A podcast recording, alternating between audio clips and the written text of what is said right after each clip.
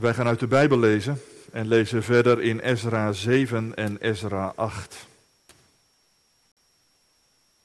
Ik ga er weer een beetje stapsgewijs doorheen. Waarbij we vooral focussen op Ezra 7. Maar we lezen gedeeltes uit Ezra 7 en Ezra 8. Te beginnen in Ezra 7, vers 1. Na deze gebeurtenissen, tijdens het koningschap van Artaxasta, de koning van Perzië, kwam Ezra, de zoon van Saraja, de zoon van Azaria, de zoon van Hilkia, de zoon van Salem, de zoon van Zaduk, de zoon van Ahitub, de zoon van Amaria, de zoon van Azaria, de zoon van Merajot, de zoon van Seraja, de zoon van Uzi, de zoon van Bukki, de zoon van Abizua, de zoon van Pinahas, de zoon van Eleazar, de zoon van Aaron, de hoofdpriester. Deze Ezra trok op uit Babel. Hij was een vaardig schriftgeleerde in de wet van Mozes, die de Heere, de God van Israël, gegeven heeft.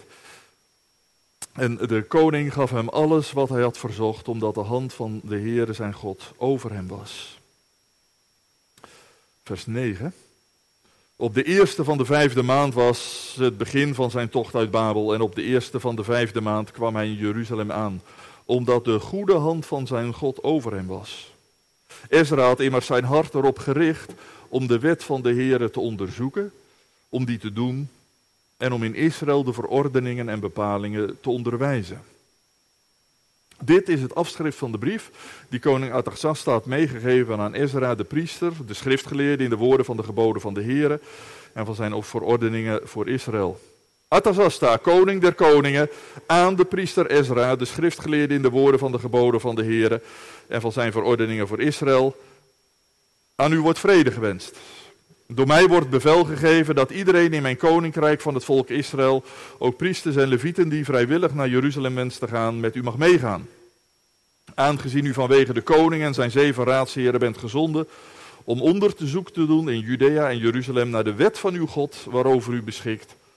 En om het zilver en goud daarheen te brengen dat de koning en zijn raadsheren vrijwillig hebben gegeven aan de God van Israël, wiens woning in Jeruzalem is. En dan vertelt die brief verder dat de koning echt van alles toezegt voor de, voor de tempel en de eredienst. Ezra krijgt daar echt carte blanche.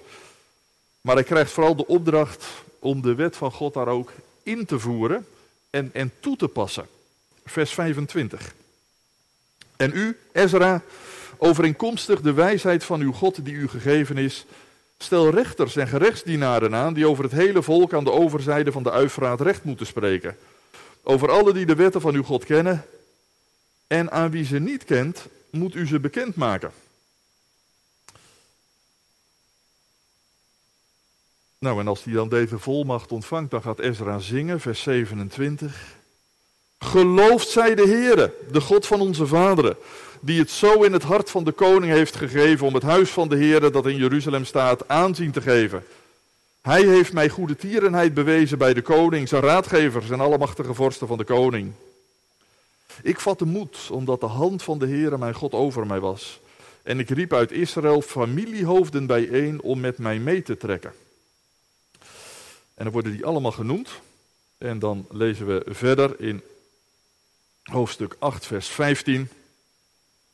Ik bracht hen bijeen bij de rivier die naar Ahava stroomt.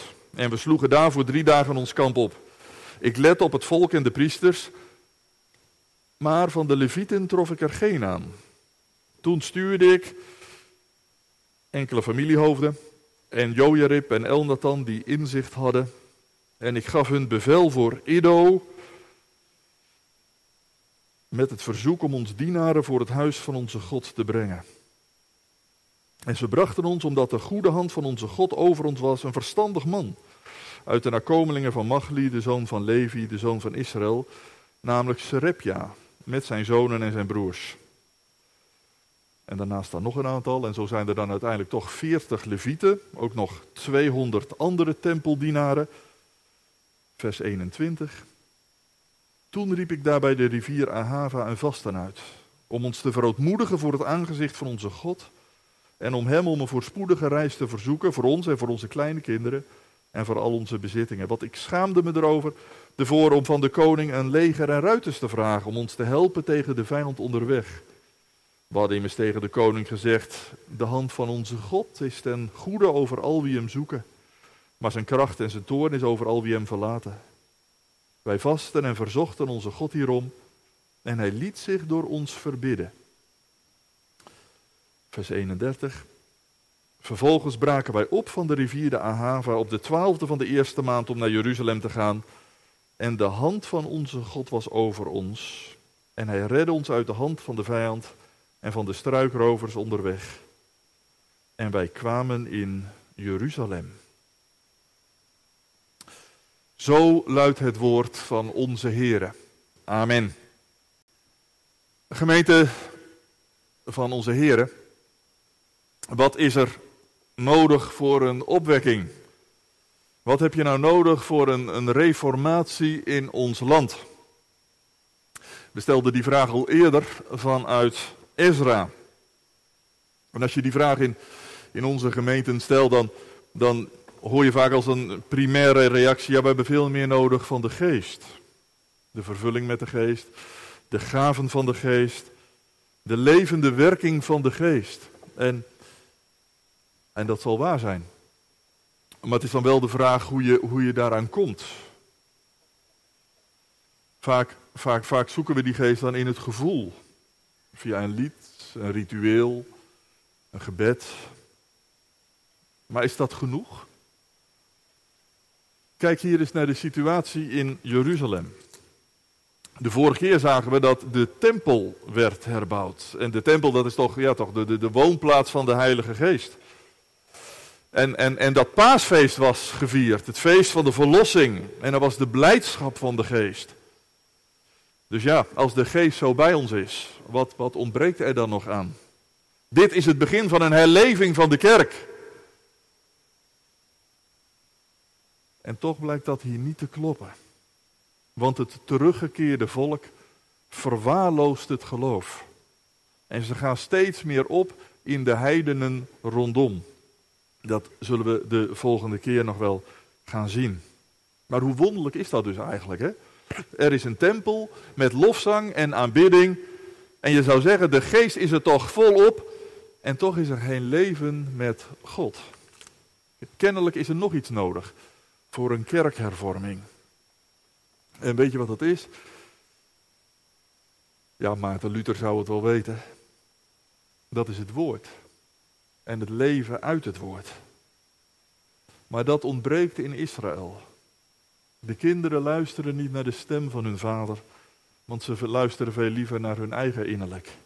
Maar daardoor is er geen levende relatie en daardoor is er geen getuigenis en ook geen groei.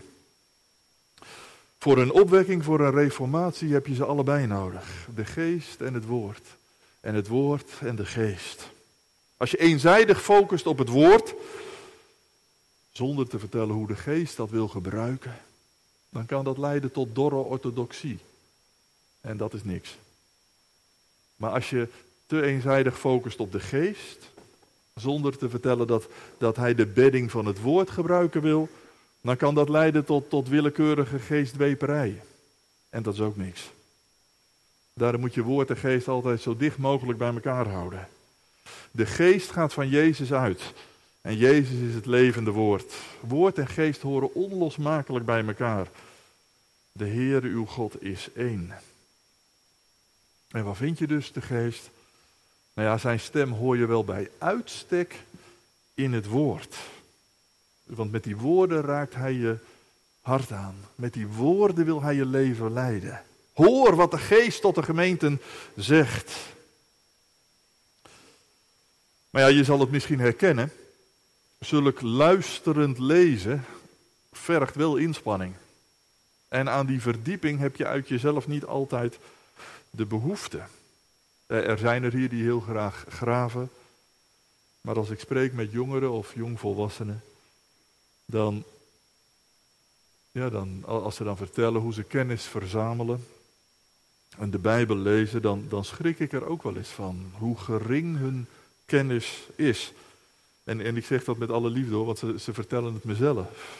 Dat, dat het ze soms zo moeilijk trekt En dat komt dan door de drukte van de tijd, de afleiding van de media. Maar, maar er speelt natuurlijk ook mee dat je je eigen onkunde nooit zo goed bewust bent.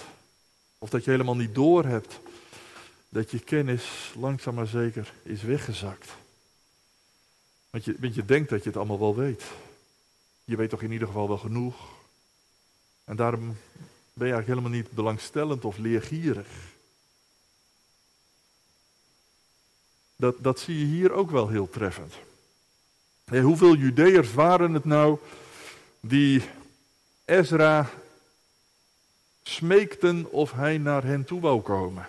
Ezra, wilt u komen om het woord van God uit te leggen? Wilt u ons helpen om te groeien in geloof?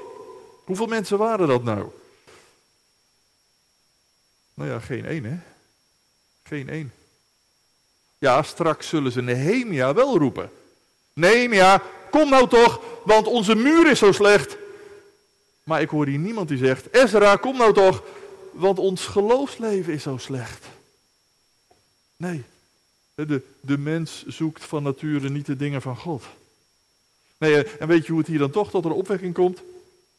Omdat de Heere begint. En hij ongevraagd Ezra naar hen toestuurt. Ze vroegen er niet om, maar ze krijgen hem toch. Een leraar die het woord van God aan hen gaat uitleggen. En hij leert te leven met hun God. God begint. En zo verschijnt hier opeens Ezra. Over hem staat in hoofdstuk 7, vers 10. Hij had het in zijn hart, maar je mag dus ook wel zeggen, hij had het in zijn hart gekregen. Om in Israël het woord van God te onderwijzen. Ezra, laat ik hem eerst maar bij je introduceren. En ik denk dat hij veel interessanter is dan je misschien ooit vermoeden zou. Want Ezra, wat is dat voor een persoon? Nou ja, misschien ben je wel sceptisch, omdat je denkt, nou ja, als die man dan zo vroom was, waarom was hij dan de eerste keer niet meegegaan? Nou, dan moet je wel beseffen dat er tussen hoofdstuk 6, wat we vorige keer lazen, en hoofdstuk 7 een, een grote tijdsprong zit van wel 60 jaar. dus dat Serubabel met die eerste groep aankwam, dat, dat is onderhand 80 jaar geleden. Toen was Ezra dus nog niet eens geboren. Al, al, blijft het natuurlijk wel vreemd dat Ezra's familie toen niet is meegegaan. vooral omdat dat niet zomaar een familie was, maar nota bene de hoge priesterlijke familie. We kijken de stamboom maar op na, maar Saraja en Hilkia en Zadok, die kennen we allemaal als hoge priesters uit het Oude Testament. Dus hoge priester Jezua ging destijds wel terug, maar zijn directe familie, de ouders van Ezra, niet. Of ze dat niet durfden, of dat ze onverschillig waren, ja, dat, dat weten we niet. Maar duidelijk is wel dat Ezra dus, daar dus heel anders over is gaan denken. Hij wil juist graag terug naar Jeruzalem. Misschien kwam dat ook wel door alles wat er sindsdien in Perzië was gebeurd. De vader van koning Artasasta was namelijk koning Ahasveros. Je weet wel, die met Esther was getrouwd. De koning die alle Joden wou uitmoorden door die antisemitische Haman. Misschien sprak God ook daardoor wel tot Ezra's hart. Als Joden moeten wij hier niet blijven. Maar wij hebben een thuisland nodig. Een veilig thuisland waar we bovendien de Here kunnen dienen volgens zijn eigen wet. En ja, dat laatste kon zelfs in Juda nog niet goed, hè? Want er stond daar dan wel een tempel, maar voor de rest golden er Persische wetten. En wat is het dan moeilijk om God oprecht te dienen? Hoe kun je nou de Sabbat vieren als de Sabbat er niet geldt? Hoe kun je elkaar aan gelovige regels binden als de officiële wetgeving heel anders is geregeld? Misschien herken je dat ook wel. En wat is het op het werk lastig om volgens christelijke norm te werken als al je collega's heel andere normen hanteren? Wat is het tijdens de vakantie lastig om de zondag te vieren als alle andere hotelgasten aan de zondag voorbij leven.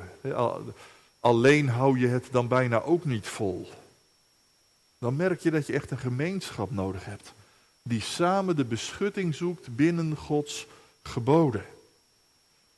Nou, en dat is precies wat Ezra hier beseft. Gods volk kan alleen overleven in een eigen land. waarin Gods wetten worden nageleefd. Want anders vergaan we. Dan worden we of uitgeroeid, of dan gaan we op in deze wereld. En zo leer je Ezra dus kennen als iemand die strijdt voor het ideaal van een Joodse natie onder Gods gebod. Vers 6 noemt hem dan ook een schriftgeleerde. Uh, en, en dat is voor het eerst dat dat woord in de Bijbel valt. Het heeft daar nog niet de nare bijklank die het later in het Nieuwe Testament zou krijgen, waar de, de schriftgeleerden vooral met eigen belangen bezig waren. Nee, Ezra wordt bestempeld als een, als een wijze theoloog, die oprecht zoekt naar Gods wil voor ons leven en die daar ook vrijmoedig over spreken wil. We bekijken Ezra dus niet wettisch, want het gaat hem om de Torah, om het goede leven met God. Zoals Jezus dat bidt. Uw wil geschieden, ook op aarde. Of zoals wij de vraag stellen, wat, wat moet Jezus doen? Zo zoekt Ezra in de schriften naar de wil van God. En ja, hij, hij is me een schriftgeleerde. Hij is me er. Ik denk dat velen dat niet weten, maar wist je dat, dat Ezra in het Jodendom een enorm aanzien heeft? Men waardeert Ezra net zo hoog als Mozes. Want God gaf zijn wet voor de eerste keer via Mozes, maar God gaf zijn wet voor de tweede keer via Ezra. De, de Joodse traditie vertelt dat de wet van Mozes bij de wegvoering en de ballingschap helemaal was vergaan. En dat Ezra hem opnieuw van God ontving, woord voor woord geïnspireerd, net als Mozes. Nou is dat verhaal wat onwaarschijnlijk, maar het geeft wel aan hoe hoog men Ezra inschat. waarschijnlijk is het zo gegaan dat Ezra daar in Perzië alle bewaard gebleven boekrollen heeft verzameld en heeft vergeleken en daar een nauwkeurige editie van uitgaf. Als een nieuw wetboek voor het volk. Dat is dus die wet waar het hier steeds over gaat. Een heruitgave van de vijf boeken van Mozes.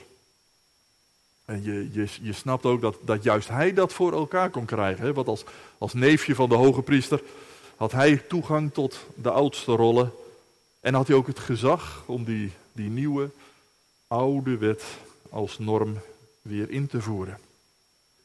En hoogstwaarschijnlijk, hoogstwaarschijnlijk heeft Ezra toen tegelijkertijd ook alle andere Bijbelboeken gebundeld, die er tot dusverre al waren ontstaan.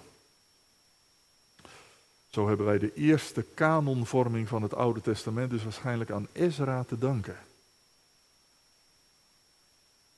Wat dat betreft zitten de Joden er dus niet zo heel ver naast. Als ze hem als hun tweede Mozes beschouwen. Wij danken ons Oude Testament grotendeels aan Ezra. Ezra de schriftgeleerde. Als je dat woord leest in vers 6 en, en 12 en 21, dan, dan viel het je misschien al wel op dat daar steeds een soort vaste formule wordt gebruikt. Ezra, de schriftgeleerde in de wet van God, van de God van de hemel, alsof het een soort titel is.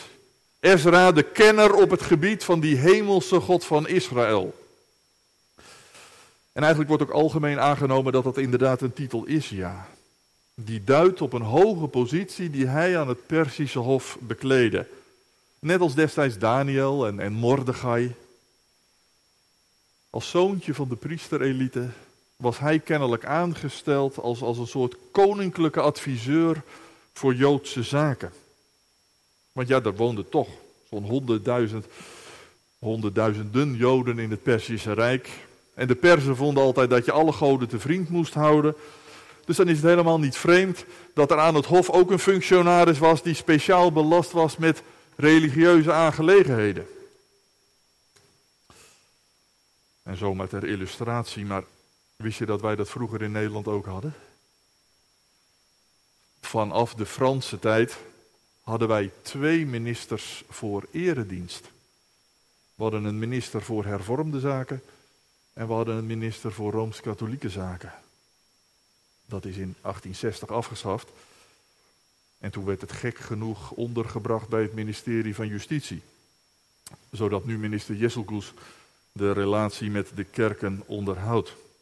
Nou ja, precies zo is ook Ezra de hoofdambtenaar Joods religieuze zaken. En weet je wat ik dan zo prachtig vind aan Ezra? Dat die man zich helemaal inspant om de plek die God aan hem gegeven heeft te gebruiken ten gunste van zijn volk. En ik dacht, daar moet je voor jezelf eens over nadenken of jij dat ook zou kunnen. Gods koninkrijk bevorderen via je werk. En dan bedoel ik dus niet dat je op je werk vertelt over God. Dat, dat is ook prachtig en, en missionair. Maar ik bedoel dat je ook je werk gebruikt om Gods koninkrijk te bevorderen. Want ja, jij hebt zo je positie, je hebt je contacten, je hebt je toegang. Je hebt het overzicht over geldstromen of inzage in dat beleid. Kun je dat ook voor God gebruiken? Eh, gebruik je het bijvoorbeeld om, om, om, om de kerk te helpen, de naaste in nood? Hè? Dat, je, dat je bijvoorbeeld in, in, in politieke zaken aan de bel trekt om ook te wijzen op de belangen van christenen en kerken? Dat je bijvoorbeeld de plaatselijke kerken informeert als je denkt dat ze subsidies dreigen te vergeten? Dat je je werk niet alleen gebruikt om de targets voor je baas te halen, maar dat je ook probeert om rechtvaardigheid in de samenleving te bevorderen. Dat je als je elke dag toch zoveel mensen ontmoet, dat je dan liefde en vriendelijkheid laat stromen om zonder woorden iets te delen van Gods liefde voor de mensen.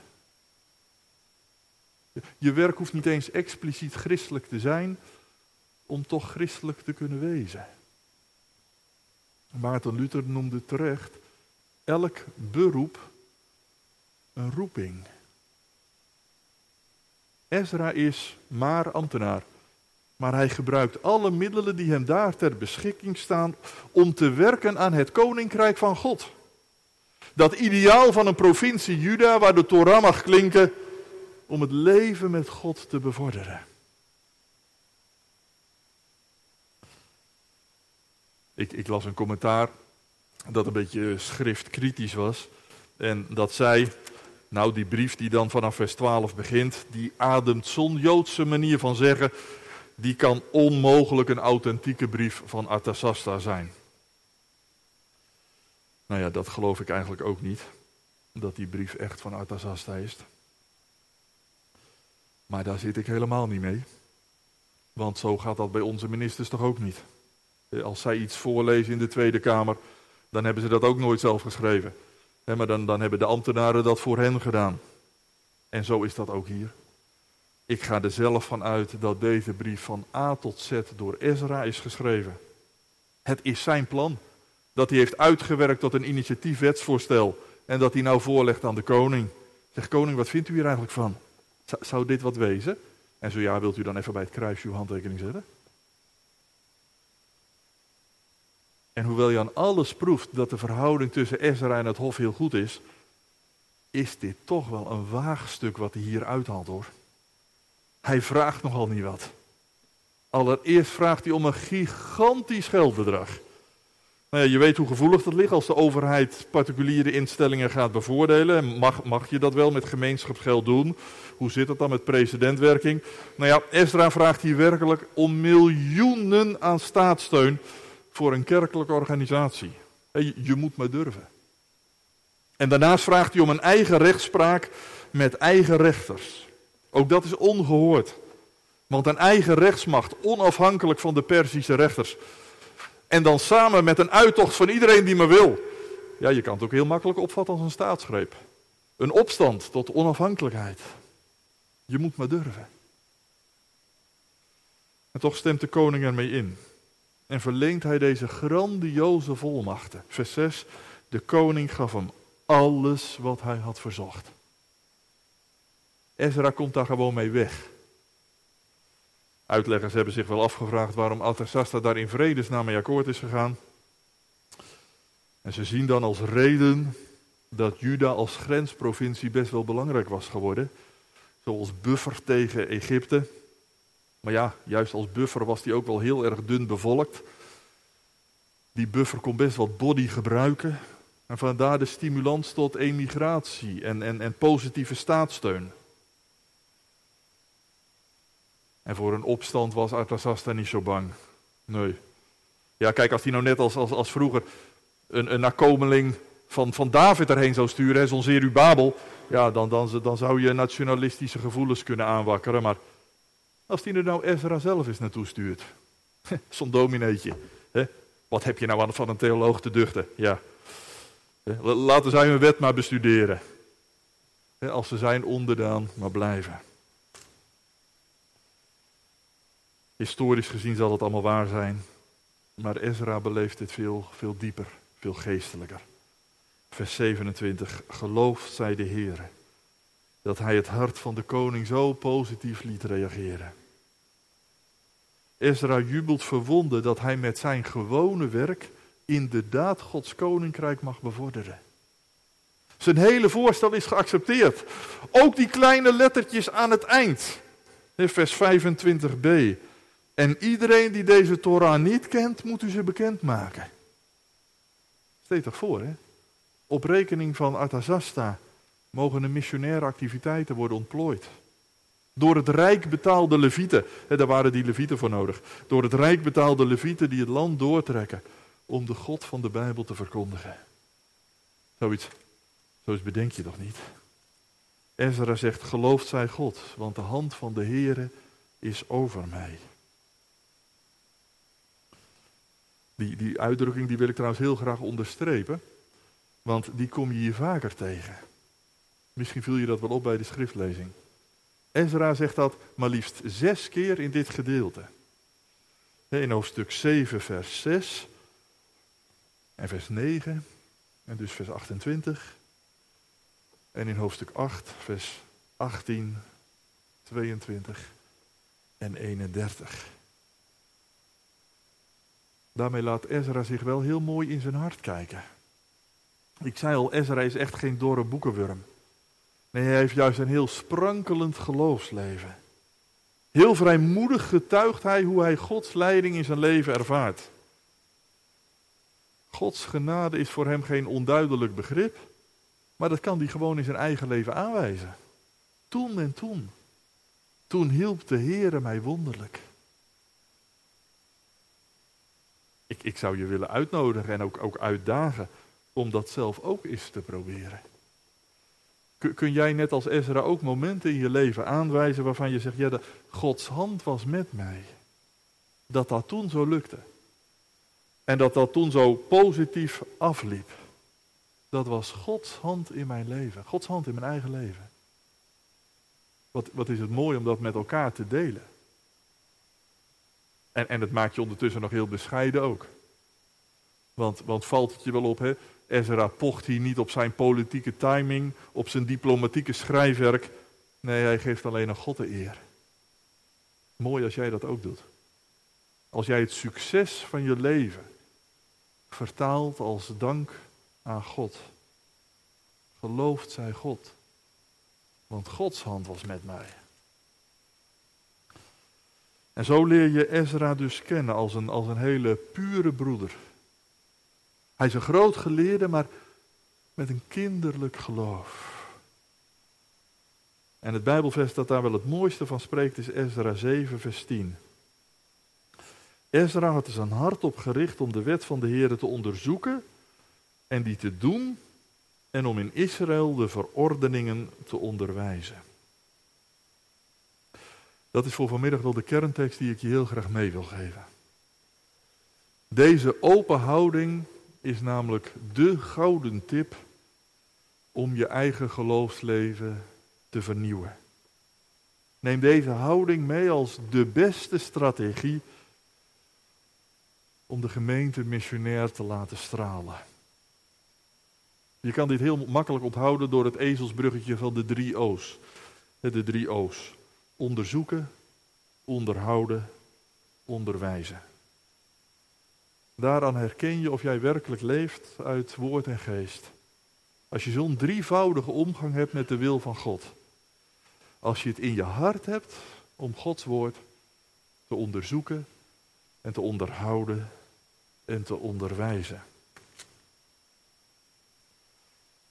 Ja, misschien denk je wel, nou ja, dat is wel heel wat. Hè? Die, die, die Ezra die doet het allemaal maar, maar.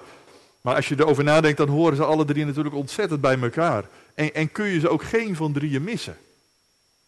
Probeer dat maar eens. Hè. Neem de proef maar op de som en, en, en, en probeer er maar eens eentje weg te laten. Stel, stel bijvoorbeeld dat je dat eerste mist. Hè, dat, je, dat je Gods wet wel onderhoudt. En ook wel onderwijst. Maar dat je hem niet onderzoekt. Wel onderhouden, wel onderwijzen, niet onderzoeken. Maar wat ben je dan voor een gelovige? Nou ja, dan, dan word je al snel een, een wettisch mens. Je bent immers stipt in de regels. Je legt ze ook aan anderen op, hè, want dit mag niet en dat kan ook niet. Maar je overdenkt niet waarom de Heer dit allemaal gebood. En wat het doel is van zijn wet. Je, je luistert ook niet naar wat, wat broeders en zusters in de wereldkerk daarover zeggen. Want je weet het al. Hè, zo is het altijd bij ons geweest. Wettische mensen krijgen daardoor al snel iets hoogmoedigs. Want ze weten het altijd beter. En je kan moeilijk met ze praten. Want ze onderzoeken het niet meer. En wat is dat jammer. Want zo wordt het gebod op gebod en regel op regel. Maar je draagt geen liefde over. Andere gelovigen onderzoeken de geboden wel. En onderwijzen die ook. Maar zij missen het middelste. Voor zichzelf onderhouden ze de geboden niet. Als je zo bent, dan word je al heel snel hypocriet. Want je weet terdege hoe het hoort. En dat vertel je ook als ouder aan je kind en als leiding op de club. Maar voor jezelf hou je je daar niet aan. En sla je Gods wijsheid in de wind. Gods geboden zijn voor jou alleen woorden, maar geen daden. In het Nieuwe Testament hadden de Fariseeën daar een handje van. En Jezus waarschuwt voor zulke huigelaars. Want wat maken ze veel kapot in de overdracht van het geloof? Ja, die christelijke zakenman die kan heel vroom praten, maar hou hem in de gaten als het hier over de financiën gaat. Ja, mijn moeder kan heel vroom praten. Maar hou er in de gaten als ze weer te veel gedronken heeft. Wat is dat jammer. Zulke schijnheiligheid stoot alleen maar af, omdat het geen werkelijke liefde uitstraalt. Ten slotte zijn er ook gelovigen bij wie het derde mist. Ze onderzoeken de wet en onderhouden die ook, maar ze onderwijzen er niet in. Als je zo bent, dan leef je heel ja, individualistisch. Ja, dat geloof ik, dat dit het goede leven is. Maar ja, wie ben ik om aan anderen de wet voor te houden? dat, dat moet iedereen maar voor zichzelf uitmaken. Misschien horen we dat nog wel het meeste in deze tijd. Mensen die niet durven te getuigen van het goede spoor dat Jezus wijst. Maar eigenlijk is dat egoïstisch. Als jij de weg naar Gods leven kent, maar hem voor jezelf houdt. Wat is er nodig voor een opwekking, voor een reformatie?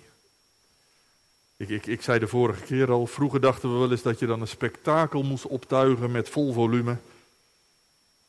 De laatste jaren is vaak onderzocht welke gemeentes er nou werkelijk groeien. En is het inzicht wel radicaal veranderd. Weet je wat aansprekend is en aantrekkelijk? Een gemeente waar goed geloofsonderwijs gevonden wordt. Binnen een goede liturgie. En waarbij het geleefde geloof van de kerkgangers uitnodigend en motiverend werkt voor gasten. That's it. Goed geloofsonderwijs. En geleefd geloof. En dat is dus exact hetzelfde als wat Ezra ons hier al voorhoudt. Dat je Gods woorden onderzoekt en onderhoudt en onderwijst. En dan, dan kijk ik ook maar in de spiegel. Want zou dat dus ook kunnen dat jij en ik de kerkhervorming zo vaak in de weg staan? Omdat we zo bedweterig zijn. En schijnheilig. En gesloten. Dat we zo weinig uitstralen, dus van dat goede leven met God. Neem dit voorbeeld van Ezra mee. En als je het, als je het wat veel lijkt, vergeet dan de volgorde niet. Hè? Vergeet de volgorde ook niet. Bestudeer het woord van God. Doe wat je daaruit leert. En spreek over die zegen door. Zo eenvoudig kun jij groeien. Zo eenvoudig kun jij groei bewerken. Bestudeer het woord van God. Doe wat je daaruit leert. En spreek over die zegen door. Leer het maar van Ezra. Of beter nog, leer het maar van Jezus. De hoge priester. Die ongevraagd door God gestuurd was om hier het ideaal van Gods koninkrijk te vestigen. Hij ademde in Gods woorden. Hij leefde eruit. En zijn mond stroomde ervan over. En de mensen stroomden toe. Want meester, wij horen dat u de weg van God in waarheid leert. Ja, Jezus is het woord. En hij gaf aan ons de geest. Volg hem. En laat je opwekken tot een leven uit woord en geest. Amen.